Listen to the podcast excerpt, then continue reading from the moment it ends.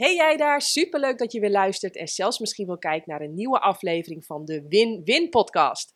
Vandaag ben ik hier met Mirjam van Krij en zij begeleidt professionals die te maken hebben met mensen die weer te maken hebben gehad met een miskraam of een abortus en op de verwerking daarvan. Ze heeft eh, drie boeken geschreven die je hier ook kunt zien. Uh, ze geeft uh, trainingen. En ja, hoe zijn we eigenlijk op elkaars pad gekomen? Nou, dat is eigenlijk via mijn uh, goede vriendin Linda gekomen. Die stuurde mij een nieuwsbrief door van jou, waarin je onder andere schreef: Het is belangrijk dat de andere kinderen in het gezin weet mogen hebben van verlies in de zwangerschap. En dat viel een beetje op in het rijtje waar je verder over schreef. En ik dacht, nou, dan neem ik graag contact met je op, want ik vind dat ook heel belangrijk. Dus ja. ik ben altijd blij als mensen daar ook uh, voor staan. Ja, mooi. Ja.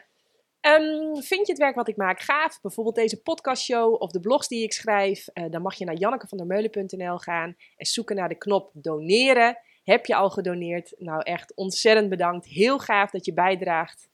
En dan zou ik zeggen, yes, we gaan beginnen. Hmm. Nou, nogmaals, uh, welkom. Dank. Ik denk dat we echt bij de basis moeten beginnen en echt moeten beginnen van wat is een miskraam, wat is abortus en zou jij uh, het woord over willen nemen, wat dat ja. betreft? Nou, hoe ik de woorden gebruik is hoe het in de volksmond gebruikt wordt. Want er zijn allerlei medische definities, maar daar, ja, daar hoeven we niet zoveel mee wat mij betreft. Dus hoe ik het, uh, waar ik me op richt is op uh, verlies in de zwangerschap in zeg de eerste helft, grofweg. En dat verschuift wel iets, want vroeger werd een kindje van zes maanden een miskraam genoemd. Dat is nu gelukkig niet meer zo.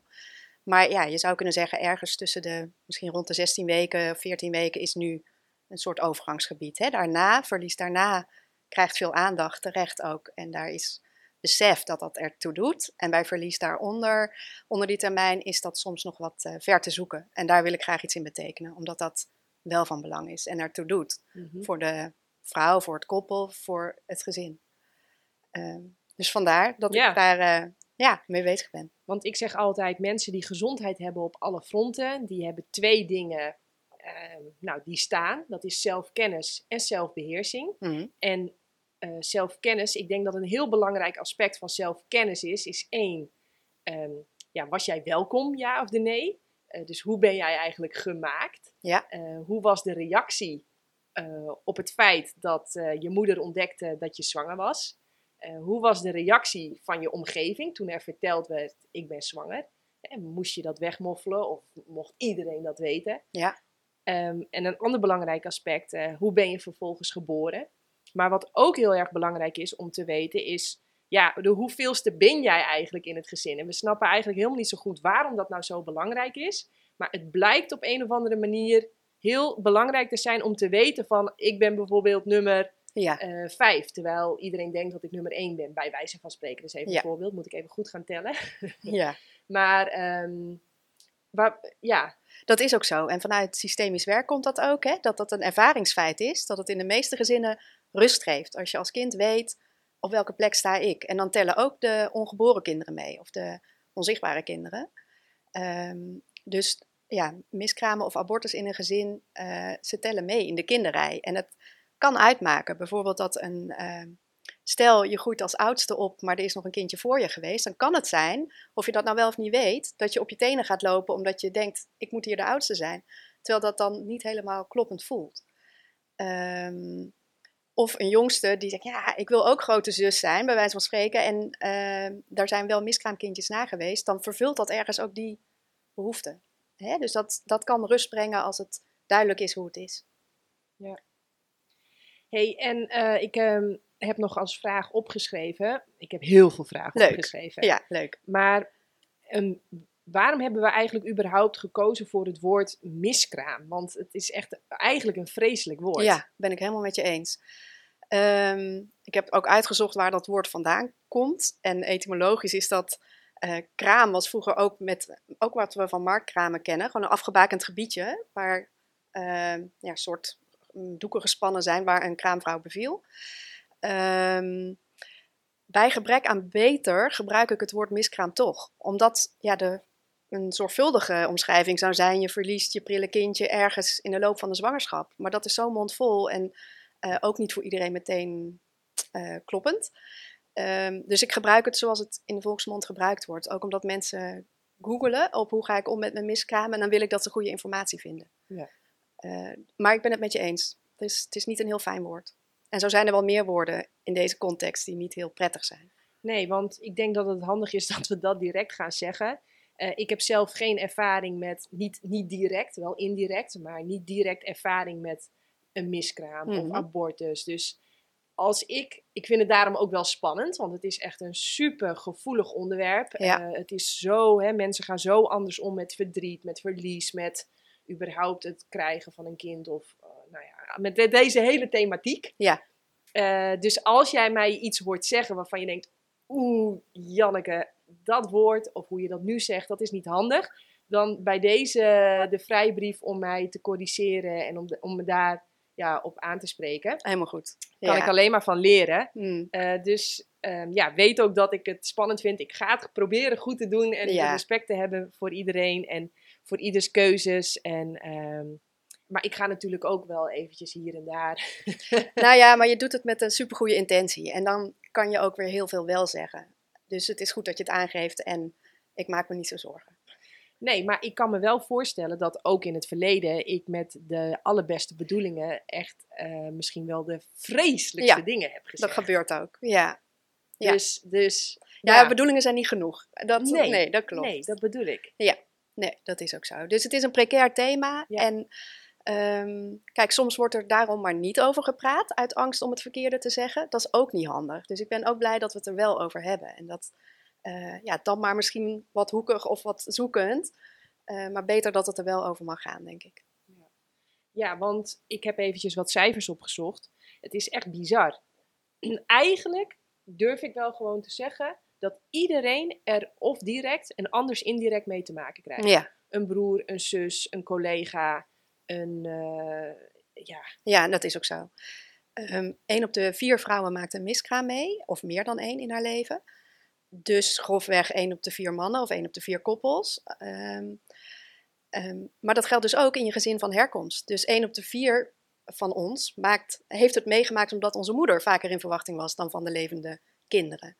Dus dat is al de helft van de mensen. En dan, ehm, nou, je moet je een beetje grove statistiek doen, maar eh, dan zeker met je, je buren, je vrienden, je aangetrouwde familie erbij, dan ja, raakt het iedereen. Ja, Ja. maar wat ik, eh, en wat ik schokkend vond, is dat als je iemand gaat vragen, wat denk je wat vaker voorkomt, een miskraam of een abortus? Ja, Dan denk ik dat de meeste mensen gaan zeggen een miskraam. Maar het blijkt dat er nog veel meer abortussen, eh, om wat voor reden dan ook, plaatsvinden. ja. dat ik stel- ik, Ik stel die vraag ook altijd in mijn nascholingen aan verloskundigen en eh, gynaecologen ook. Van wat denk je, is het aantal eh, van abortus hoger of lager? En eh, niet iedereen, er, er komt meer besef. Maar inderdaad, het aantal miskramen in Nederland wordt geschat op 20.000 per jaar.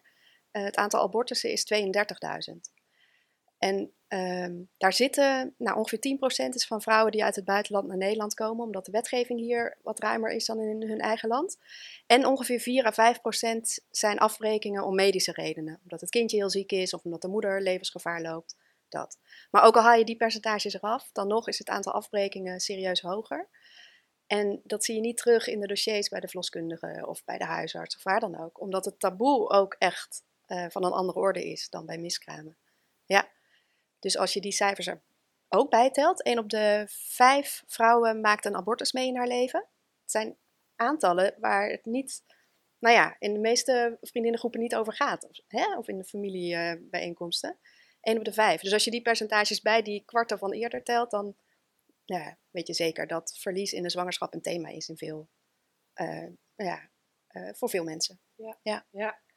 En ehm, wat, wat, wat is, waarom denk jij dat het dus wel heel belangrijk is dat het met vriendinnen op zijn minst of in families, je hebt het net al een beetje gezegd, maar waarom sta jij ook zo op dat dit bespreekbaar wordt? Nou, op, laten we beginnen bij professionals.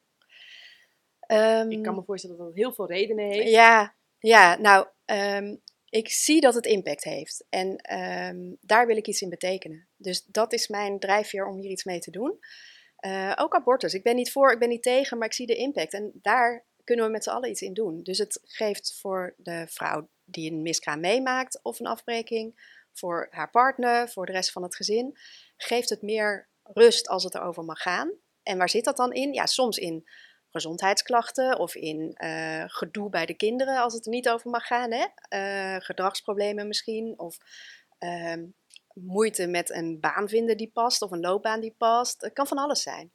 Toen ik mijn uh, coachpraktijk startte, ruim twaalf jaar geleden, toen deed ik alles voor iedereen. Dat leek me toen een goed idee. Dat is niet zo'n heel erg goed idee. Maar toen kwamen er dus mensen met vragen over gezondheid, over loopbaan, over nou, van alles wat je maar kunt verzinnen. En het bleek heel vaak terug te voeren op een kindje van een miskraam of een abortus dat nog gezien moest worden.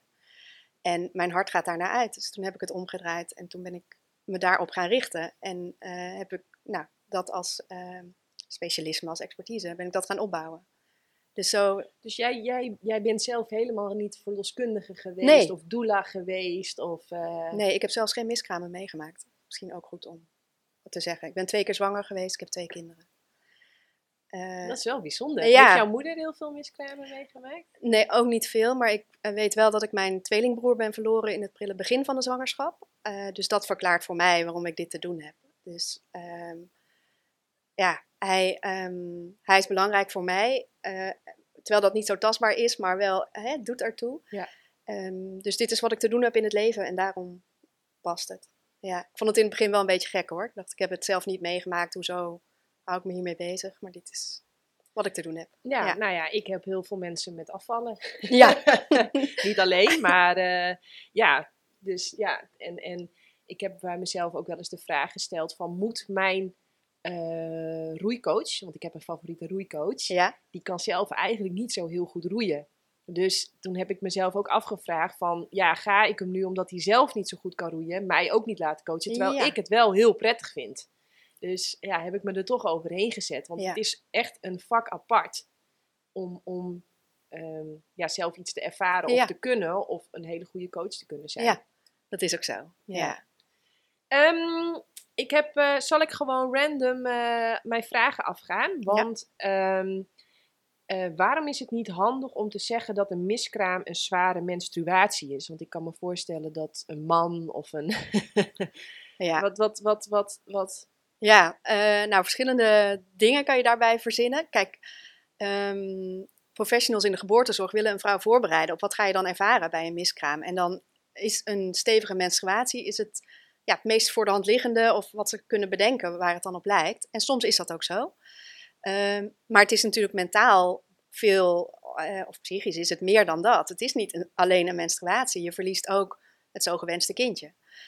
Dat. En um, nou, wat tegenwoordig, wat ik ook... Nou ja, dat kindje is niet per se altijd gewenst. Nee, dat klopt. Maar bij een miskraam uh, in de meeste gevallen wel. Hè? Dus bij een, uh, um, ja, in de meeste gevallen wel. Ja, oké. Ja, het is, ja, dat is een goede aanvulling. Um, maar, ik, nou ja, om, even om de andere, ik ga hem eventjes insteken. Omdat ik zeker weet, uh, dat heb ik namelijk zelf met een goede vriendin meegemaakt. Zij werd zwanger. Uh, nou, hartstikke prachtig, uh, gezond kind. Maar heel snel daarna alweer zwanger. En echt met de mm. handen in het haar. Ja. Zo van, wow, ik heb dit nog maar nauwelijks kunnen verteren. En ik ben alweer zwanger. En, um, en toen kreeg ze een miskraam. En, en uh, ze heeft ook letterlijk echt contact gemaakt met het kindje. Van, wow, wat ben je er snel. En ja. ik, ik wil zo graag een tweede, maar hoe, geef me even rust en ruimte. En alsof het echt zoiets heeft gehad van, oké, nou, dan kom ik later gewoon terug, win-win. Ja. En dat is dus afgebroken. Vanzelf. Vanzelf. Ja. En uh, ja, ik kan mij, ik zal het, daar ga ik jou nog tips voor vragen, maar we, ja, we hebben het daar misschien twee keer over gehad. En ik heb het idee dat dat gewoon hele, dat dat ja, bijna een godsgeschenk was. Zo van, ja. En toen had ze even meer adempauze. En nu is die tweede er. Nou, nu is het gewoon super. Fijn. Ja, soms is een miskraam een opluchting. Ook ja, voor een situatie die anders heel ingewikkeld was geworden. Of, nou, er zijn ook verhalen, als je niet precies weet wie de vader is, dan kan het ook een, oplos hè, een oplossing zijn voor iets eh, nou, waar je anders een beslissing zelf moet nemen. Dus dat klopt. Maar in de meeste gevallen uh, is een miskraam bij een gewenste zwangerschap. En had, uh, had de vrouw liever gehad dat het door was gegaan, de zwangerschap. Um, ja, vroeger waarom is een zware menstruatie niet zo'n goede term? Nou, dat is ook omdat vrouwen tegenwoordig niet meer zo gewend zijn aan hoe een menstruatie eigenlijk werkt. Als je de pil slikt of een spiraaltje hebt en amper meer weet hoeveel bloed erbij komt kijken of hè, wat voor krampen er kunnen zijn. Hoeft ook niet. Eh, dus dan geeft het ook niet zo goed, ja, is het niet zo'n goed uh, voorbeeld, want je hebt geen idee. En ehm, nog een extra factor bij vrouwen van tegenwoordig uh, is ook met tampons of een menstruatiecup vang je veel bloed op of af, zeg maar, bij een menstruatie. Maar dan zie je ook niet hoeveel bloed dat eigenlijk is. En bij een miskraam komt alles eruit. En als dat dan op de badkamervloer belandt, voelt dat heel anders dan um, nou ja, een menstruatie waarbij je amper het bloed nog ziet. Hè, dus het, uh, ja, het is, ik heb ook niet zo'n goede andere formulering, moet ik zeggen. Dus dat is ook weer jammer. Uh, maar ja, soms zeggen vrouwen ja, mini-bevalling of een mini-geboorte. Als je daar ervaring mee hebt gehad, zou dat een, uh, een helpende suggestie kunnen zijn. Want, want is het fysiek echt heel anders? Dan? Nou, kan een miskraam heel pijnlijk, heel... Uh, heel uh, hoe... Ja, nu ben ik niet medisch onderlegd, hè, dus ik... wat, wat hoor jij? Wat ja, precies, wat ik hoor. Terug? Dat het ook echt met weeën gepaard kan gaan. Een heel proces wat, wat je door moet. Het is niet één, één keer naar de wc en klaar, zo werkt het niet. Um, dus dat, is wel, dat kan een heel proces zijn, wat ook echt nou, met heftige pijn gepaard kan gaan. Dus Verloskundigen uh, raden ook aan, en dat is goed, van zorg dat je stevig maandverband in huis hebt. Dat je pijnstillers in huis hebt. Dat je er uh, echt nou ja, op voorbereid bent. Nou ja, ja. En de belangrijkste tip. Dankjewel. Ja. Nou, als een vrouw een mis, weet dat ze een miskraam gaat krijgen en ze wil het opvangen, plas door een vergiet. Dat is een hele praktische tip die een hoop heisa kan voorkomen. Ik spreek veel vrouwen die zeggen, ja, ik heb een miskraam meegemaakt, soms 10, 20 jaar geleden ben het verloren op het toilet en in een reflex, ik stond op, ik heb op de knop gedrukt en ik heb het doorgespoeld. Dat ze daar achteraf van dacht, ja, ik had, ik had het op zijn minst willen bekijken of misschien laten zien aan de partner. Of tegenwoordig is de watermethode ook bekend, hè? een bakje water een tijdje bewaren. En als je dan alsnog door het toilet wil spoelen, dan kan dat, maar dan gebeurt het niet in een reflex. Dus die vergiet, ja, dat is een... Uh, Hele praktische tip. Ik heb hem zelf ook niet bedacht. Maar ik hoorde hem van een verloskundige jaren terug. Ik dacht, dat moet iedereen weten. Dus dat soort uh, best practices, daar ja, mag gewoon meer aandacht voor zijn. En, en stel je voor, je hebt uh, op, ja, je, je, ja, weet je waar het natuurlijk anders gaat? De meeste mensen laten een echo maken. Tegenwoordig, ja. Tegenwoordig laat iedereen, of iedereen, ja, bijna iedereen een echo maken. Kijk, ik heb dat niet gedaan. Dus stel je voor, ik zou ineens kramp krijgen of zo. Maar als jij dus een echo hebt gemaakt en je ziet geen kloppend hartje, vanaf dat moment wordt het dan dus belangrijk, of tenminste als je dat wil, uh, om door dat vergiet te plassen, ja. zodat je het op kunt vangen. Ja. En, en want ik ben naar de, in Amsterdam naar de beurs Bodies geweest. En ik, ja, ik kan me nog echt, ik was gewoon flabbergasted, want ook bij drie weken al, het is gewoon, ja, het zit opge als een, als een, als een uh, cashewnoot. Maar het, het, alles erop en eraan. Nou, ja. ik, heb er, ik, ik, ja, ik wil niet overdrijven, maar ik heb er misschien wel een uur naar staan kijken. Ik wow. vond het gewoon zo fascinerend. Zo, dus ik, in, in mijn geval, ik weet zeker dat ik op iedere wc tien vergieten neer zou zetten. want ik weet zeker dat ik dat moet zien en ja. moet... Ja, nou wat het ook is met uh, de echo's... Um, als mensen bij de echo horen dat het niet goed is, uh, dan moeten ze dat aannemen van de echoscopist. Hè? Terwijl ze zichzelf nog helemaal oké okay voelen. En helemaal nog geen sein hadden gekregen van hun lijf dat er iets aan de hand was. Dus zoals jij het uh, hebt ervaren met je zwangerschap, dat dan uh, gelukkig is het goed gegaan. Maar stel dat het niet goed was gegaan, dan was bloedverlies het eerste signaal. En dan heb je ook tijd om daaraan te wennen. En uh, dat doet ook iets anders met een mens dan dat je het ja, eerst in je hoofd binnenkomt. En dat het dan moet landen nog, dat nieuws.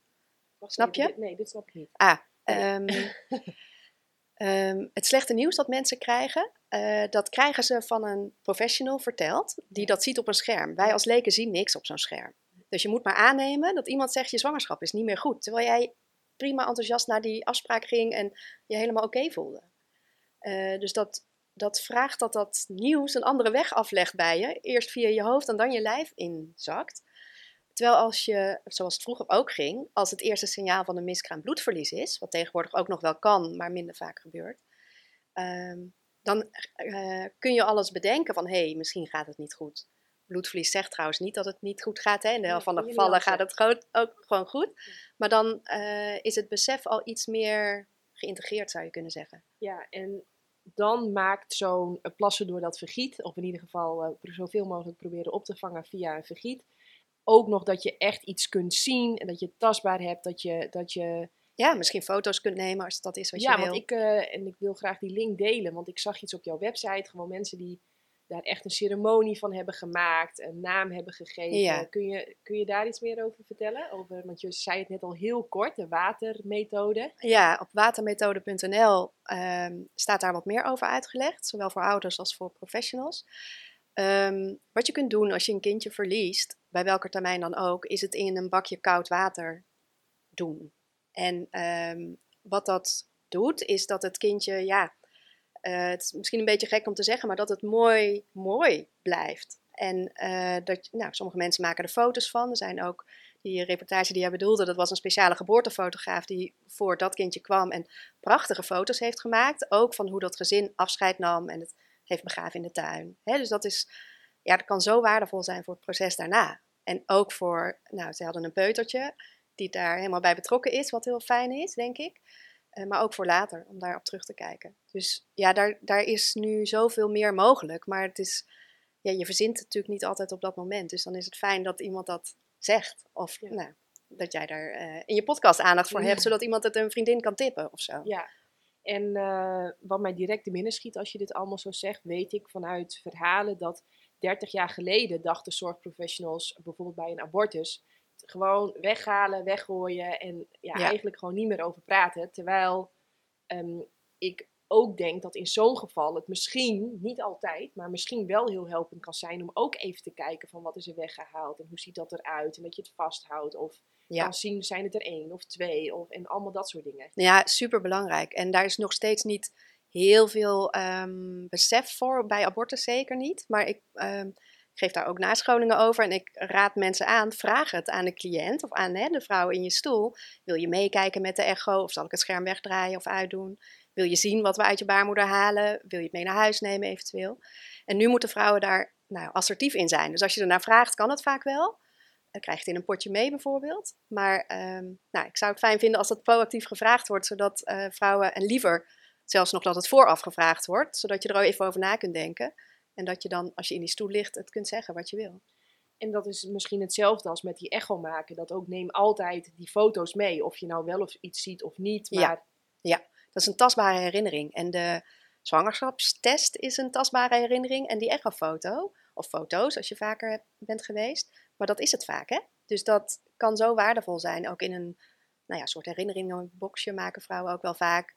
Waar dan die spulletjes ingaan en misschien ook sokjes die ze al gekregen hadden. Of een mooie kaart of zoiets. Dus dan wordt het een, ja, een tastbare herinnering aan het kindje dat er zo kort was. Ja. En ehm, ik heb hier ook nog opgeschreven, waar is iemand die een miskraam heeft gehad echt niet meegeholpen? Dus wat zijn echt, echt don'ts? Wat, wat, wat, wat mag je ja. ja, Wat zeg je niet? Wat zeg je echt niet? Ja, Of wat doe je niet? ja. Eh, nou, Ik Voor- kan me voorstellen dat dit een hele lijst is, dus Ja. ik zou zeggen, laten we gewoon stap voor stap. Nou, wat, ehm, wat niet helpt, is er nooit meer over beginnen. Dus het verzwijgen of negeren. En ik weet dat mensen het ook echt wel ingewikkeld vinden soms, van hoe begin je er dan over?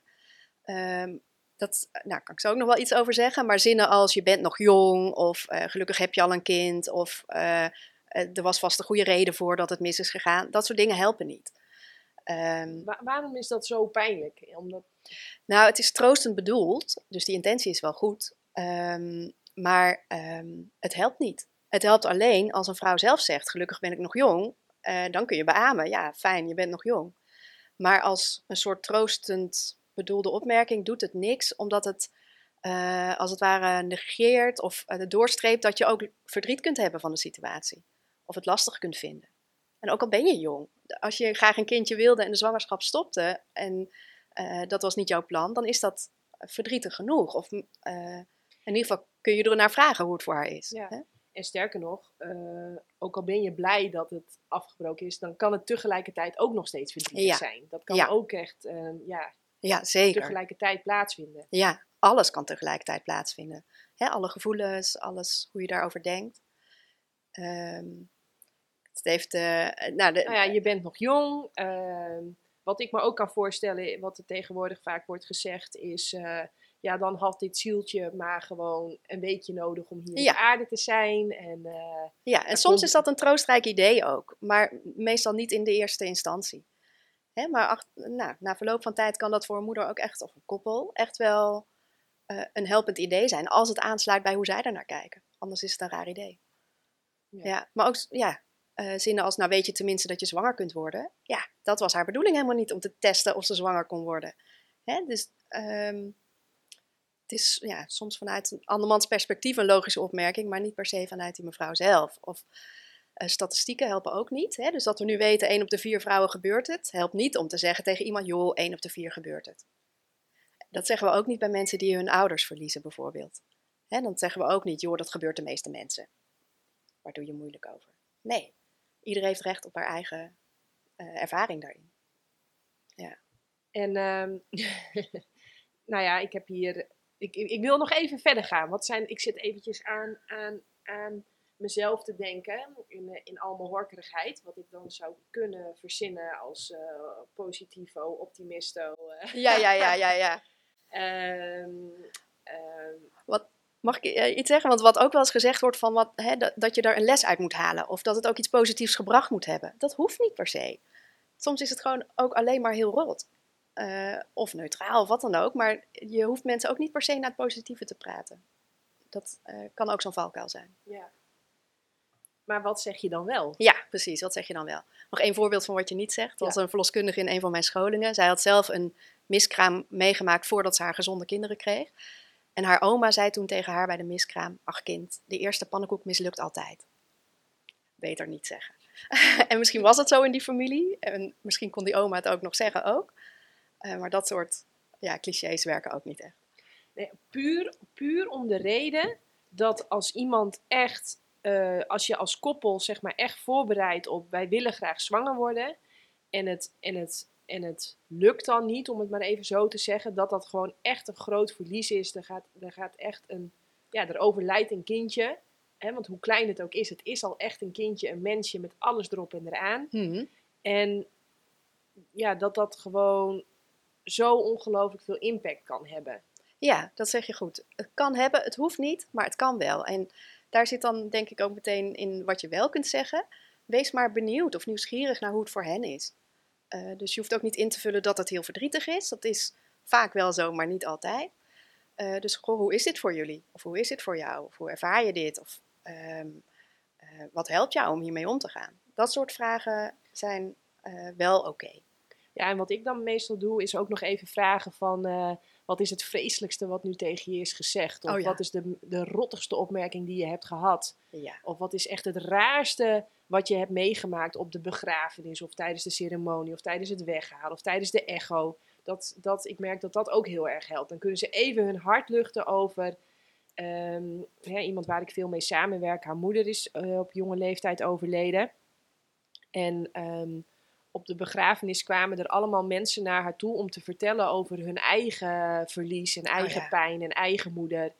En ja, zij dacht echt van, hoe is het mogelijk? Ja. Mijn mijn moeder is onverwachts overleden, ik ben hartstikke jong en nu gaan allemaal oudere volwassen mensen, die komen met hun eigen pijn bij mij. Ja. En, en doordat ze dat even zo kon vertellen, konden we het daar even over hebben. En dat was al heel, eh, ja, dat luchtte gewoon op op een Ja. bepaalde manier. Super mooie vraag. Want daarmee heb je ook aandacht voor die andere kant. En, eh, en je laat haar vertellen. Dat is denk ik ook fijn voor haar. Ja. Ja, mooi. Nou, wat zeg je nog meer eh, wel? Word je net iets te vaak moe wakker? En kom je vaak thuis van werk en heb je dan geen zin om meer te sporten, terwijl je dat eigenlijk zo graag zou willen? Lees dan het nieuwste boek De Eiwitleugen. Daar lees je alles over het dieet wat je echt super veel energie geeft. Dus wil je van overleven naar leven, doorgroeien naar geven, dat je zoveel energie hebt, dat het over de randen klotst, dat je kunt geven vanuit overvloed, Ga dan naar jannekevandermeulen.nl slash boeken. Ehm, nou, kijk, zo'n vraag als wat heeft jou geholpen om ermee om te gaan? Of wat zou jou helpen wat we nu gaan doen? Kan ook, hè? Vind je het fijn dat, ik, eh, dat we gaan wandelen? Of zal ik je was ophangen? Of eh, wat het dan ook maar is. Dus je kan ook, je mag best vragen naar wat kan helpen of naar wat, ehm, nou, wat voor haar fijn is op dat moment. Ze weet het niet altijd, dus heb dan ook die overschotel maar vastgemaakt en geef die of zo. Hè? Dus dat kan ook. Ehm, en bij een koppel vraag ook altijd, nou ja, als je die vraag stelt van hoe is het nou voor jullie en je krijgt van één antwoord, vraag ook aan die ander en hoe is het dan voor jou? Ehm, want ja, daar mag ook echt wel meer aandacht voor zijn. Ja, want niet alleen uh, die vrouw die verliest uh, een gewenst kindje, maar ook die man natuurlijk. Ja, dat. Dus het doet wat. Of de uh, andere vrouw, als ja, het in precies. het geval van een. ja. ja, dat dus ze verliezen een, een kind of een toekomstdroom valt in duigen. Maar je hebt, ja, het is soms ook het eerste grote wat misgaat in een relatie. Dus ze hebben elkaar dan ook daarin te leren kennen. van hoe ga je om met tegenslag? Of hoe ga je ermee om als je partner ineens alleen maar verdrietig is? of als je partner er anders mee om lijkt te gaan dan jij. Wat heel normaal is, hè, dat ze verschillend mee omgaan. Maar dat weten mensen niet altijd. Is kunnen we iets zeggen over, zo gaan mannen er typisch mee om? Ja, ik denk het niet. Want ik, ik en hoe gaan vrouwen er typisch mee om? Is er, is er nou ja, ik ben er ook een beetje huiverig voor. Dus er zijn verschillen. Uh, maar ik denk meer dan man-vrouw verschillen zijn het verschillen in hoe we uh, zijn opgegroeid en wat we van huis uit hebben meegekregen over hoe je omgaat met leven en dood, of ouderschap, of kinderen. Um, tegenwoordig is de rouwtheorie die het meeste uh, passend lijkt, is dat het zo'n slingerbeweging is. Hè? Van bezig zijn met het verdriet en weer bezig zijn met afspreken met vriendinnen of naar je werk gaan. En die slinger die gaat heen en weer. En die gaat voor een partner net weer anders heen en weer. Dus grofweg zou je kunnen zeggen, ja, misschien heeft die man wel weer zin om met vrienden te gaan fietsen, terwijl zij met tissues op de bank wilde zitten een avond. Um, en misschien dat dat, ja, heel generaliserend, dat mannen eerder in de doestand gaan. Maar dat is ook omdat in ieder geval iemand in dat huishouden dan overeind blijft. En hè, daar ook zijn best voor doet. Dus uh, ja, ik zou niet zo generaliseren, geloof ik. Maar dat er verschillen zijn, ja. Maar dat zijn verschillen tussen mensen. Ja. Houden we dit hele, hele, hele gebeuren ook niet in stand door pas uh, bekend te maken van ik ben zwanger na de 12, 13 weken als alles bijna zeker goed gaat. Ik heb bijvoorbeeld er heel bewust voor gekozen om, uh, ja, weet je, wij hadden het voor het eerst, ja sorry, ik ga maar gewoon vertellen hoe wij het, maar wij hadden voor het eerst in onze relatie gevreden zonder condoom en ik weet niet, noem het arrogant, maar ik wist gewoon, ik ben in één keer zwanger. En uh, wij hebben dus ook nooit uh, getemperatuurd of gedacht, ik ben het ongesteld geweest, uh, nu hoeft hij er niet om. Nee, altijd erom, want ik wist gewoon echt niet zeker, wil ik moeder worden. Mm -hmm. um, maar toen hebben wij denk ik de dag daarna al onze ouders en dus mijn schoonouders en mijn zusje gebeld om te vertellen van, nou ja, ja, ze is op komst. En ehm, dus wij hebben ja, direct open kaart gespeeld om de simpele reden dat ik heb intensief contact met mijn ouders en mijn vriend heeft dat ook en ik ook met mijn schoonouders. En ik, ik zat helemaal te bedenken van stel je voor, mijn schoonmoeder belt of mijn vader belt of mijn moeder of mijn zusje en ze zien dat ik verdrietig ben of wat dan ook. En, en dat ik dan ja, maar iets moet gaan verzinnen over waarom ik verdrietig ben of het dan pas moet vertellen. Ik dacht ja nee, ik neem ze mee in de halleluja, maar ja, als het dan niet goed gaat, om het maar even zo eh, neer te zetten, ehm, ja, dan, ja, dan wil ik ook dat ze daarvan op de hoogte zijn. En, en wij hebben het dan voor het grotere eh, publiek wel eventjes wat langer, zodat ik lekker de vrijheid had om te doen wat ik wilde. Zonder uh, commentaar. commentaar, om het maar even zo te zeggen. Maar ehm, is het niet, is het dit, dit fenomeen wat ik nu net uitleg, pas vertellen als het goed gaat en als het dan niet goed gaat, dan moet dat allemaal achter gesloten deuren opgelost worden. En dan mag eigenlijk niemand dat weten, want het is een soort van, ja, nou ja, ik ben al lang aan het woord geweest. nou, ik ben het met je eens dat dat uh, helemaal niet per se een handige route is. En wat ze tegenwoordig vaak adviseren, dat is denk ik slim. Vertel over je zwangerschap aan de mensen van wie je het ook wil dat ze het weten als het mis zou gaan. Hè, dus dat je je inner circle op de hoogte hebt, want daarmee creëer je ook steun als het mis mocht gaan. En natuurlijk ga je ervan uit dat het goed gaat, want zo, ja, zo leven we ook. Hè? De, eh, de grote ziektes of wat dan ook, verwachten we ook niet dat het ons treft. Dat is voor anderen. Ehm, en dat geldt bij zwangerschappen natuurlijk ook. Dus ja, net wat je zegt, het is uh, fijn als daar wat ja, anders mee omgegaan kan worden, als dat ook voor je klopt. En een inner circle is nog wat anders dan op je werk vertellen dat je zwanger bent. Of eh, aan nou, wat verdere kennissen dat vertellen. Dat kan best later. Ja, maar waarom zit er zo'n taboe op het... Op het... Ja, nou... Ik, ja, ik- ja, het ik weet ik het heb ook ook wel wat ideeën. maar- Oh ja.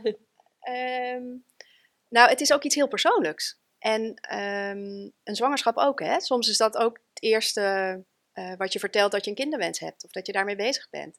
Dus dat is niet in alle settings een eh, handige boodschap of een relaxte boodschap. Ehm, Bijzonder. ja, ja, ja. ja, ik, eh, ja, het heeft er ook mee te maken, denk ik, van, nou, bijvoorbeeld op, werk, op je werk. Wordt daar dan anders naar je gekeken? Gaan mensen andere plannen voor je maken? Of eh, is dat helemaal geen onderwerp en zijn ze alleen maar blij voor je? Dan is het hè, ook weer anders. Ehm, en wat ik veel terughoor van vrouwen eh, eh, rond een miskraam, is ook dat ze een gevoel hebben van falen. En dat hun lijf niet doet wat ze graag wilden dat het zou doen. Dat is ook nog wel wat om mee naar buiten te komen. Hè? Dus ja, daar hangt wel van alles omheen, wat het heel privé maakt ook. Ja, want ik merk ook dat ik bijna de vraag wilde stellen van hoe kan het dat we vandaag de dag zoveel miskramen hebben. Maar ja, ik durf hem eigenlijk ook bijna niet te stellen, want dat zou indirect impliceren dat je als vrouw invloed hebt. En ehm, ja, vandaag de dag bijna schuld. Wat natuurlijk nooit zo is. Ja. Ik bedoel, iedere vrouw, iedere moeder, ieder doet echt met de kenniskunde en middelen die die heeft altijd stinkend zijn best. Ja, En hè, waar we vandaag de dag, wat mij betreft, ook wat te ver in willen gaan, is dat we alles maar willen analyseren en begrijpen. En we willen het helemaal, ja, waarom is dit gebeurd? Ja, sommige dingen gebeuren gewoon. We weten niet precies waarom het lichaam daarvoor ja. kiest. Ehm, dus ik denk dat het vandaag de dag ook heel belangrijk is om ja, te kunnen ontspannen in het niet weten. ja maar dat is best een eh, klus voor veel mensen. Hè, want het lijkt allemaal zo maakbaar, ons leven. En heel veel dingen heb je wel invloed op, maar dit dan net niet. Dat klopt.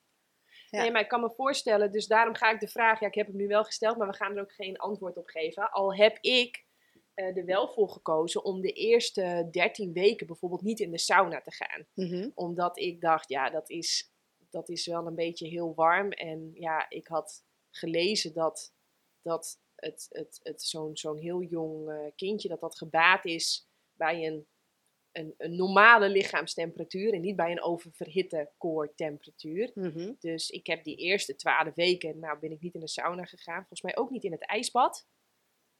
Wel in het ijsbad. Ja, wel in het ijsbad met mijn handen op mijn buik. Oh ja. En, ehm, en ik heb met de trainingen heb ik ook voor mezelf een soort.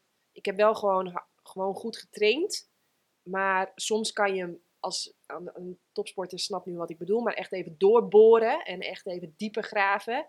En dat ik het een beetje aan de oppervlakte heb gehouden. Zo van, ja, ik moet niet, niet, niet echt zoals op zijn Jannekes echt weer met zo'n knalrood ontploft hoofd. Want volgens mij is dat ook net niet wat een jong vruchtje wil. Maar verder, ja, ik probeer natuurlijk zo gezond mogelijk te eten. Ik ben iedere avond om half acht, acht uur naar bed gegaan. Eh, ik heb zo geprobeerd, net als iedereen, Ja, het maximale eruit te halen. ja, dus je doet wat je denkt dat het beste is, hè? Voor jou en voor het kindje in wording. Ehm, en soms heb je geluk en soms heb je pech daarin. En dat is wel zuur, Ehm, maar zo is het, ja. En soms is er een verklaring, maar veel vaker niet. Ehm, hoe kwamen we hierop? ik weet het niet meer. Oké, nou, het maakt niet uit.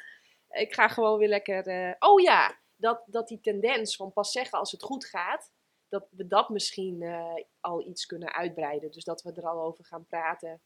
Ja. Ehm, Nou ja, en wat je nu ziet, dat het eh, vergeleken met eh, twaalf jaar geleden toen ik hiermee begon, ehm, toen was het nog veel meer een taboe onderwerp. En nu zie je echt best wel veel in tijdschriften, in kranten, op televisieprogramma's, dat er over gepraat wordt en dat BN'ers ook uitleggen of vertellen over hun situatie. Dat doet ook wat, ook voor ons gewone mensen, zeg maar. Dat, er, dat het dus blijkbaar een onderwerp is waar het over mag gaan. En dat ik ben ervan overtuigd dat dat ook echt bijdraagt dat dat eh, nou, misschien langzaam is, maar wel een maatschappelijke tendens. Dat het, er, ja, dat het er, erbij mag horen. Ja, want wij hebben natuurlijk een cultuur ontwikkeld. eh, en, en dat werd de afgelopen drie jaar werd dat, eh, nog duidelijker. Dat je mag tegenwoordig niet meer doodgaan. Hè? Het mag ook niet meer misgaan. Ja, Dus daar past dit natuurlijk bij. Eh, dat, Ja. Daar is gewoon geen plek voor. The only way is up of zoiets. Ja. Het moet alleen maar roosgeur en maneschijn zijn. En het moet alleen maar goed gaan. Ja. En, eh, ja, en precies, ik denk dat dat de belangrijkste is die jij zei dat, dat zo'n miskraam dan echt voelt als falen. Van ik heb iets fout gedaan of... eh, Ja, en vrouwen zijn heel creatief in hun schuldgevoel. Hè? Van had ik die zware boodschappentas niet moeten tillen, of die, die sportles of die training, had ik die niet zo zwaar moeten doen. Komt het daardoor? Maar ze voelen zich ook schuldig naar hun partner dat ze geen kindje hebben kunnen geven vooralsnog. Schuldig naar het levende kindje dat het niet een broertje of zusje heeft met het ideale leeftijdsverschil. Tussen haakjes ideale leeftijdsverschil. Hè? Alle kanten op. Schuldig naar ouders dat ze die geen opa of oma hebben kunnen maken bijvoorbeeld. Ehm, en wat dat schuldgevoel nodig heeft, is ook erkenning. Dat, het er, dat je dat mag voelen. Het hoeft ook niet weg, want het, het- zo werkt dat ook niet. Hè? Als je zegt, Ja. nee joh, nee, niet dat dat dan ineens oplost. Nee, ik zeg altijd, eh, je mag je wel schuldig voelen, natuurlijk, maar je bent niet schuldig. Ja, ja, precies. Ja, Manne Kersen zegt dat ook, ja. Mag Ja. je wel veel schuldig voelen als je maar weet dat je het niet bent. Ja, ja. Ja. ja, heel mooi. Ja. hey, en ehm, ehm, waarom is de rouwbegeleiding dan anders bij een, een, een, ab- een abortus of een miskraam of een oma die overlijdt of een stilgeboorte? Wat, Ja, wat- mooie vraag. Nou, waar dat ehm, grotendeels mee te maken heeft, is dat eh, er bij prilverlies geen tastbare herinneringen zijn. En ook geen gedeelde herinneringen. Dus bij een oma kun je als familie herinneringen ophalen aan wat je hebt meegemaakt met haar, of de verhalen die over haar de ronde gaan. Hè? Je hebt foto's, je hebt eh, nou, eh, allerlei ja, spulletjes misschien van haar. Maar bij prilverlies is dat niet. En bij een stilgeboorte zit er een beetje tussenin. Als het een voldragen kindje is, of bijna voldragen, dan zijn er foto's, is er een afscheidsdienst vaak, een kaartje, een eh, naam. eh, waardoor je een soort gezamenlijke herinnering creëert. En waardoor het daarna ook daarover kan gaan. Voetafdrukjes, misschien een haarlokje. Ehm, dus daar is gelukkig steeds meer besef dat dat ook belangrijk is om daarbij stil te staan.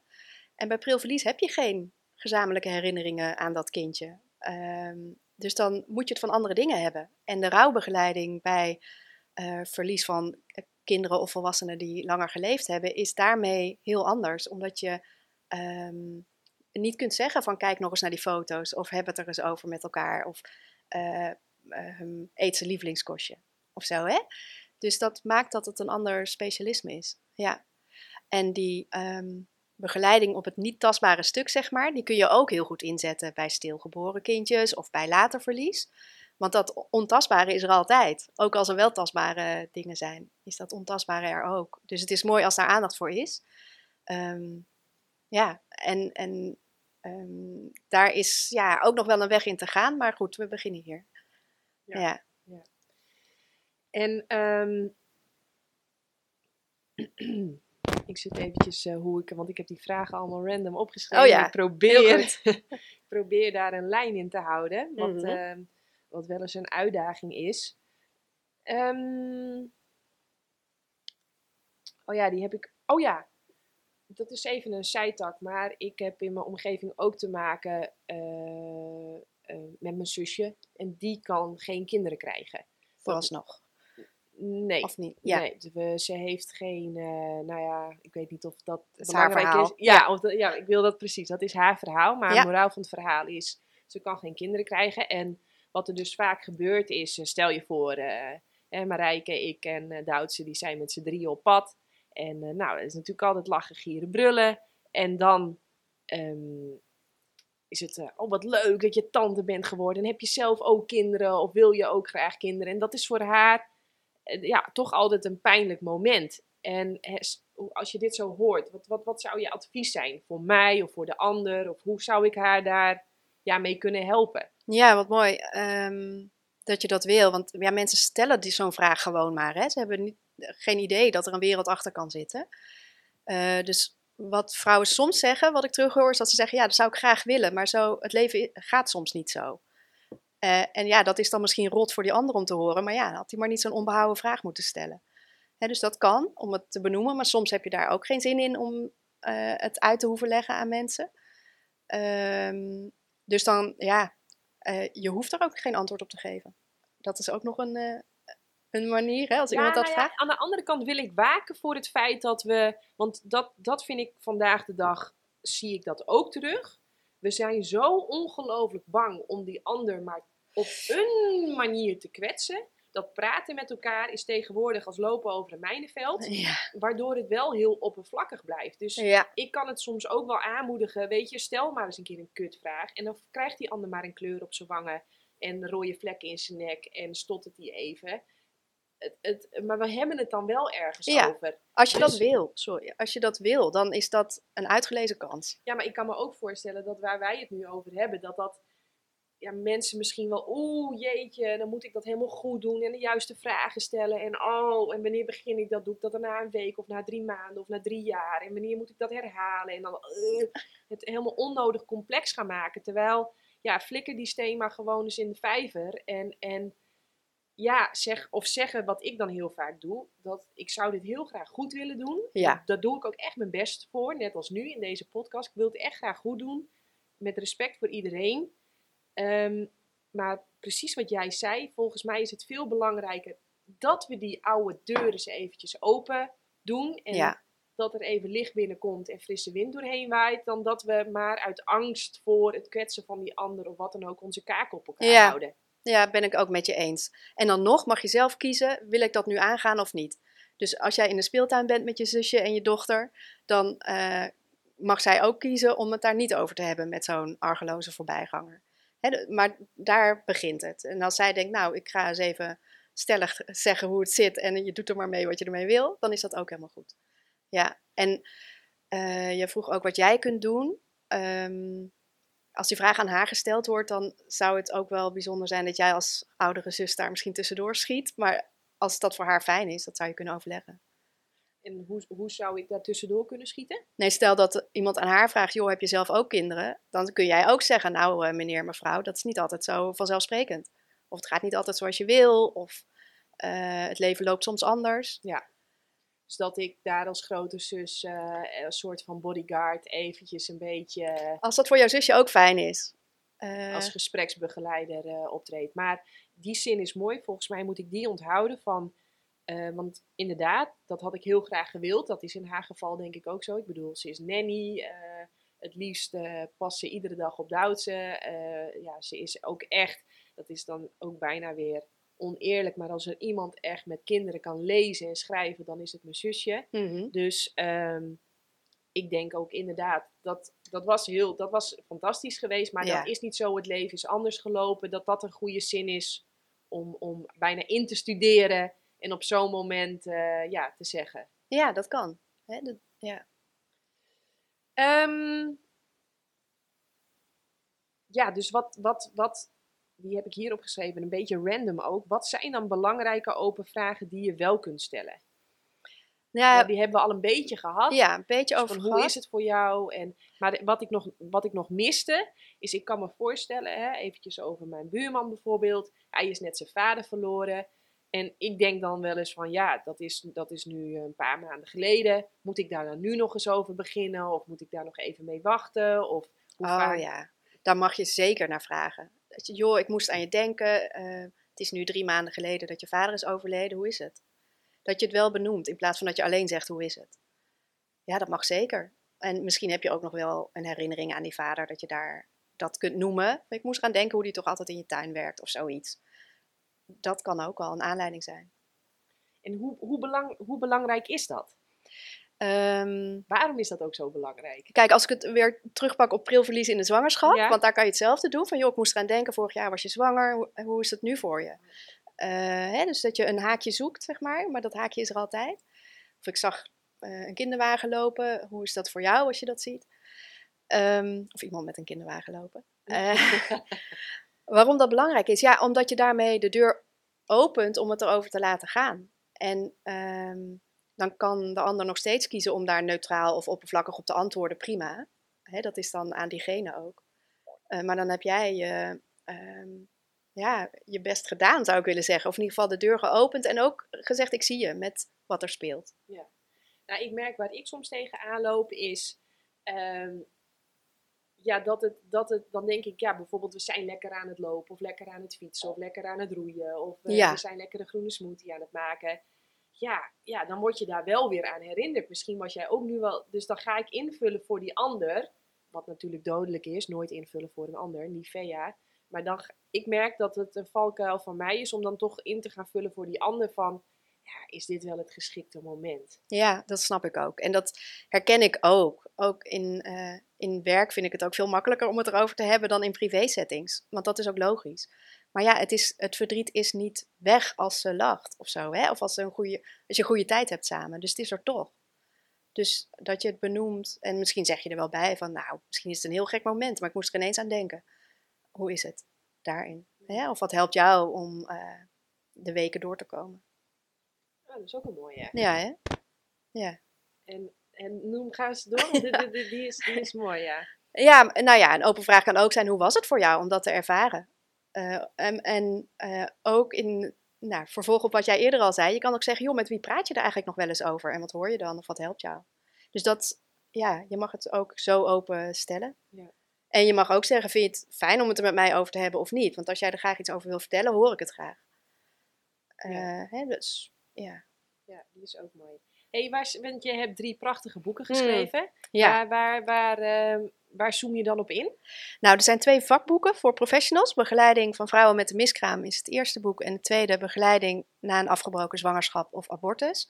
Daarvoor heb ik honderden vrouwen geïnterviewd. Van wat heb je gewaardeerd in de zorg? Wat heb je gemist? Uh, hè, wat, wat helpt jou om mee om te gaan? Dus dit zijn boeken met veel ervaringsverhalen. Ook van verloskundigen, gynaecologen, huisartsen. Van wat wat zij tegenkomen, waar zij het soms ongemakkelijk vinden. Hoe vraag je daar nou goed naar? Wil ze er wel met mij over praten? Ja, juist vind ik dat je er bij een geboortezorg professional over moet kunnen praten. Als het daar dan niet kan, waar dan wel? Hè? Met veel praktische tips, want ik ben van heel praktische dingen. Dus deze boeken sluiten ook heel erg aan op de eendaagse nascholingen die ik geef. Um, en het andere boek, dat is um, Als je je kindje verliest in de zwangerschap. Dat is een een invulboek voor ouders. Eigenlijk een invulboek voor het kindje dat er niet kwam of dat er zo kort was. Met bemoedigende gedichten, ruimte voor de echofoto bijvoorbeeld, ruimte om um, nou, te schrijven hoe het voor je was, ook aanstreeplijstjes, zodat ook um, ja, genormaliseerd is. Want het is niet gek dat je dit denkt. Het staat, uh, dat, dat, denken andere vrouwen ook of andere koppels ook. He, dus veel ruimte daarvoor. Dit is ook een boek wat veel cadeau wordt gegeven als. Nou, als je denkt, ik zou iets willen kunnen betekenen voor mijn vriendin of voor mijn buurvrouw, maar ik weet niet zo goed wat te zeggen, kan dat ook een goede gesprekstarter zijn. Ja. Grappig dat je toch de hele tijd zegt voor haar, voor de moeder. Ja, voor... ik haal de man er af en toe bij, maar het is nog niet standaard, dat klopt. Ja. ja. Daar is nog, uh, ook daarin is nog een weg te gaan. Ja, ja. daar is nog winst te pakken. Ja. Want die man, die, ja, die, die was er ergens uh, bij het maken, maar toen is hij van het toneel verdwenen. Nou ja, nou, dat denk ik niet eens, maar hij wordt niet meer gezien op het toneel. Of niet meer zo, de schijnwerpers staan niet op hem. Um, dus uh, twee jaar geleden zei een man, nou, ik ben er helemaal zat van. Ik richt een platform op voor de vergeten vader. Precies om wat jij nu zegt. Dus Bas Jansen is dat. Die heeft een platform De Vergeten Vader opgericht voor waar mannen hun verhaal ook kwijt kunnen over hun verlies in de zwangerschap. Ja, dit boek kan ook heel goed samen ingevuld worden. ja, mooi. Mooi. Hey, ik zie dat jij een hele lijst hebt met. Uh, heb je nog vragen voor mij? Nou, uh, wat ik. Uh, ja, want jij schreef in jouw nieuwsbrief, waardoor ik jou leerde kennen, schreef je: Het is belangrijk, je zei het iets anders, maar het is belangrijk dat de andere kinderen in het gezin ook weet mogen hebben van een miskraam of abortus. Dat vind ik zelf ook. Maar ik was benieuwd hoe, ja, hoe jouw overtuiging daar kwam of wat, wat jouw kijk daarop is. Ja. Um, nou, dat heb ik eigenlijk in het begin wel al een beetje gezegd, maar we weten niet precies wat voor krachten daar spelen. Maar uh, ja, ik heb de overtuiging dat alles eigenlijk in deze wereld wil gezien en gehoord worden. Ja. En dingen wegmoffelen of maar tanden op elkaar en niet over praten. Op een of andere manier gaat dat zich dan vaak op een vervelende manier toch aandienen om ja. alsnog gehoord en gezien te willen worden. En daarom denk ik dat het, dat het super belangrijk is om, om te weten van, uh, nou, wat, hè, die eerste vragen die ik zo straks zei. Dus uh, hoe ben je gemaakt? Met welke ja. intentie? Hoe werd erop gereageerd? Hoe reageerde de omgeving? Hoe was je geboorte? Wie was daarbij aanwezig? Wie maakte de beslissingen? Hoe voelde je je moeder? Uh, en hoe was, je, ja, hoe was het met je vader? Omdat, ja, ik heel erg, en daarom heb ik dus ook geen echo's laten maken, omdat ik denk dat je als um, kindje, al, al, al, ook al ben je nog maar één dag oud, dat je al een volledig bewustzijn hebt en dat je alles meemaakt over wat er in jouw omgeving gebeurt. Mhm. Dus ik denk dus ook dat als je er de hele tijd echo's laat maken en als je dat wel heel graag wil en je hebt er super goede reden voor en het voor jou super goed werkt, maak zoveel echo's als je wil. Ja. Maar voor mij werkt het niet, want ja, ik dacht, ik vertrouw mijn lichaam 100%. Ik bedoel, het klinkt een beetje stom, maar ik dacht echt arrogant als ik ben. Als ik al geen gezond kind kan maken, ja, wie dan wel? Mhm. Klinkt, ja, sorry. Fijn dat het zo uitpakte ook. Hè? Ja, ja, ja. Dat het goed uitpakt. Ja, maar ja, in alle eerlijkheid, dat is mijn mindfuck of mijn gedachte. Ja. En, ehm, en ik dacht, ja, als ik dan de hele tijd zeg maar goedkeuring, erkenning en bevestiging ga vragen bij een professional, dan ben ik eigenlijk indirect tegen mezelf aan het zeggen van, ehm, ja, ik vertrouw mijn lichaam niet zo goed. Ik vertrouw jou trouwens ook niet. Ja. Eh, dus eh, ja, ik ga voor jou bepalen of jij wel of niet goed groeit. En of Ja. jij wel of niet op schema ligt. En wie dat schema dan heeft bedacht, nou dat terzijde. Want volgens mij zijn we heel erg hetzelfde, maar ook heel erg uniek. Dus hebben we allemaal onze eigen groeicurve, ons eigen plan, ons eigen idee, onze eigen tijd. Dus ja, ik ehm, wilde heel graag aan mezelf, maar ook aan Duitse meegeven. Ik vertrouw jou, doe het op je eigen manier. Ik denk dat jij precies weet wanneer je geboren wil worden. Doe dat ook op je eigen manier. En ja, dan laat ik dat eh, verder los en ik eh, ben erbij en ik kijk ernaar eigenlijk. En ik probeer het zo goed mogelijk te faciliteren. En verder ja, bemoei ik me er eigenlijk niet mee. En ehm, ehm, omdat ik dus denk dat alles wat er gebeurt, dat dat impact heeft. En dan even terug naar de miskraam en de abortus. Ik kan mij helemaal voorstellen. Hè? Stel je voor, je hebt dezelfde mindset als Janneke. Je bent eh, net zo arrogant en je denkt als ik al geen gezond kind kan krijgen, Ja. wie dan wel? Ja. En stel je voor het mislukt dan. Of mislukt dan, je krijgt dan vijf keer een miskraam. Dan weet ik zeker dat bij die zesde zwangerschap ik wel eh, een beetje zweet in de bilspleten heb. En klotsende okseltjes en de hele dag duimpjes zitten draaien van Ja. mag het nu alsjeblieft goed gaan. En dat krijg je als kind dan wel mee.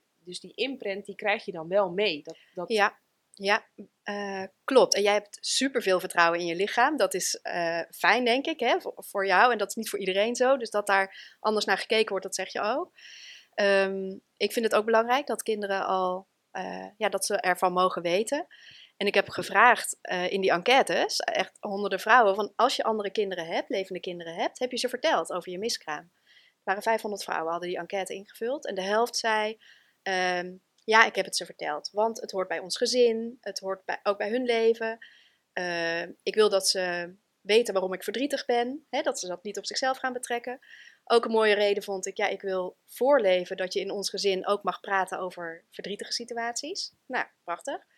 De andere helft van de mensen zei nee, ik heb het ze niet verteld. Want ze waren nog heel jong, of ze waren nog niet geboren, of ik wil ze niet belasten. Invoelbaar. Maar driekwart van die groep zei, ik wil het ze wel ooit vertellen. En dan wordt het lastig, want wanneer is dan ooit? Is dat als een kindje vijf is, of twaalf, of zestien? Of als ze zelf aan kinderen gaan denken? Maar hoe Ehm, vertel je dit? Sorry dat ik in de precies. reden van. Hoe vertel je dat dan aan kinderen? Ja, nou, want dat vinden ouders vaak lastig. Hoe vertel je dat dan en wanneer? En, Ja. hè? Dus ik heb een stappenplannetje gemaakt om ouders daarbij te helpen, heel praktisch. Kun je gewoon downloaden op mijn site, miskraambegeleiding.nl slash stappenplan. Ehm, en een hele speciale variant daarvan is hoe vertel je het als je opnieuw zwanger bent na een miskraam. Want ik, mijn advies is vertel het meteen aan het kindje in je buik. Eh, door te zeggen, ehm, joh, ik ben misschien extra gespannen omdat het de vorige keer misging. En je bent heel welkom, groei maar lekker door. Maar dan ga je en in contact, wat fijn is voor die duizend dagen hechting die ook al beginnen vanaf de conceptie. Eh, en je maakt onderscheid tussen de vorige zwangerschap en deze zwangerschap. En dat is ehm, voor een kind, ja, ben ik me- eh, met je eens, ik heb ook die overtuiging, fijn om te weten. Dat het maar duidelijk is. En daarmee ja, wendt een ouder ook aan hoe, ver- hoe praat je daarover met kinderen? Of hoe, hoe heb je het onderdeel gemaakt van je gezin? Ja. Ik ben natuurlijk totaal geen expert op dit gebied, maar als ik naar eh Duitse kijk, onze dochter, dan denk ik dat er echt geen geschikte leeftijd is. Ik heb het idee dat zij al in de buik precies begreep wat ik vertelde. Dus volgens mij zijn, moeten we kinderen niet onderschatten. Nee. Ehm, Sterker nog, hoe jonger het kind is, hoe dichterbij ze staan bij dingen als leven en dood. En eh, dat is nog veel fluider dan voor ons volwassenen. Ehm, je kunt jonge kinderen eh, ook vragen, eh, hoe was het in de buik? Wat heb, hoe was het voor jou eigenlijk in mama's buik? Fascinerende gesprekjes krijg je dan. Nou, een zijpaadje. Eh, maar ja, dus eh, ik ben het helemaal met je eens. Dus ook als ouders het nog niet verteld hebben tijdens de zwangerschap, doe het meteen daarna. En eh, het is ook niet iets wat één keer aan bod komt, wat ook best vaker terug mag komen. Er zijn ook een paar mooie prentenboeken over ehm, eh, verlies in de zwangerschap. Dus prentenboeken die ouders met kinderen kunnen lezen. Op mijn site zijn die titels ook. miskraambegeleiding.nl slash prentenboeken. Dan vind je dat lijstje. Of mail me, dan kan ik ze toesturen. Oké, dus jouw website is miskraam... Oké, het staat hier. Miskraambegeleiding. Ja. dat zien we net niet. Nee. Dus het is miskraambegeleiding.nl. Ja. Ja. En daar staat veel informatie en ook, ehm, stel nou dat ouder- ouders zeggen, ja, ik heb meer nodig om met mijn verlies om te gaan dan, hè, dan wat ik binnen de reguliere zorg heb gekregen. Dan vinden ze daar ook eh, op de site ook coaches bij hen in de buurt. Ik leid mensen op tot miskraam of abortuscoach en dan nou, weet ik zeker dat ze goed, goede begeleiding krijgen en eh, dat ze daarna met vertrouwen weer verder kunnen. Mooi. Ja. Dankjewel. Ja, graag gedaan. Hebben we nog iets ges- eh, niet gezegd wat we wel hadden moeten zeggen? Je doet Zet even mijn bril op. hè? Ja, heel goed, heel goed. Ehm, nou, ik denk het niet. We hebben van alles geraakt en eh, ik ben blij met het gesprek. Leuk, insgelijks. Dankjewel. Heel fijn eh, dat je zo assertief was om contact op te nemen. Eh, een van, eh, ja, waarom ik dus ja zei, ehm, is, is omdat ik denk dat het, dat het super belangrijk is om hierover te praten. Want mag ik, ik ga nog even, ja ik mag. Ja, het is jouw, jouw feestje. is ehm, omdat, hè, want ik begon zo straks het betoog, waarom het dus belangrijk is om te weten van heeft jouw moeder een miskraam of een abortus en hoe zat dat? Omdat, dat, eh, omdat we ook dus terugzien dat als dat wel verzwegen wordt, dat je daar als later kind in het gezin echt last van kunt hebben. Ja, ja. En we zien zelfs dat, eh, ja, dat, dat, dat je dan bijvoorbeeld echt in de overdrive gaat. Of, eh, Ja, leven heel- voor twee. leven voor twee. Of Zou jezelf echt wegcijferen Ja. en maar niks. en dat dat, dat, dat ja, ik, ik, daar, is, daar is volgens mij nog niet echt wetenschap over dat we dat echt eh, als dit dan dat en dat helemaal. Maar volgens mij ehm, is het voor iedereen goed als we, hoe gebrekkig we dat ook doen en met horten en stoten en stotterend en misschien een traan of een, dat we later nog een keer op zo'n gesprek moeten eh, terugkomen omdat het niet helemaal super ging of soepel. Ehm, ja, dat, dat het belangrijk is dat we daar dus eh, ja, ons bewustzijn op schijnen. Dat is het eigenlijk. Ja, dat het erover mag gaan. En het is voor de andere kinderen in het gezin van belang. Maar ik heb ook voorbeelden gezien van de generatie daarna. Hè, dus het, eh, het kan ver ingrijpen. Hoeft allemaal niet, maar het kan wel. En ehm, ja, dat wil je voor je kinderen voor zijn. Hè? Dus eh, ja, Ja. ik ben het met je eens. En dan ga ik toch nog even als afsluiter zeggen dat je het. Kijk, ik snap het. Je probeert het echt allemaal zo goed mogelijk te doen. Maar wat ik ook, wat, dat heb ik, eh, een vriendinnetje van mij is psychiater. En die zegt ook altijd tegen mij, Janneke, als je het een beetje goed doet, dat is al Dat goed is al heel genoeg. fijn. Ja. Een beetje goed is echt goed genoeg. Ja. En verder, weet je, eh, we gaan niet om onze kinderen bubbeltjes plastic binden. Om ze overal maar voor te beschermen. Als Nee. van die curlingmoeders en vaders. Om de hele weg maar plat te strijken voor ze. Weet je, ze gaan ook Nee. gewoon shit tegenkomen. En dat is alleen maar goed ook. Als ik kijk naar al mijn eigen shit, dan denk ik, nou, op dat moment was het niet leuk. Maar ik heb er wel op een manier mee weten om te gaan. Dat ik, het, dat ik er zelfs nu nog van profiteer ook. ja, achteraf kun je dat zien. Hè? Dus- Achteraf. eh, ja, en we kunnen kinderen niet behoeden voor alles. Maar je, ja, de zin die ik ook wel gebruik is de stenen die jij opraapt op je pad. Daar hoef je, hoeven je kinderen dan in ieder geval niet over te struikelen. Ja, die is mooi. Hè? Ja, dus ehm, je doet wat je kunt en geheid, zij lopen tegen hun eigen dingen aan. Ja, Ja. Ja. Dankjewel. met plezier. Jij ook heel erg bedankt voor het eh, luisteren. Je hebt misschien zelfs wel gekeken. Vind je dit gaaf? Deel het dan volop op je social media. Je mag ook naar jannekevandermeulen.nl gaan. Daar vind je de knop doneren. En dan zou ik zeggen heel graag tot de volgende keer. Doei! Wil jij ook op een supergezonde, verantwoorde manier meer plantaardig eten?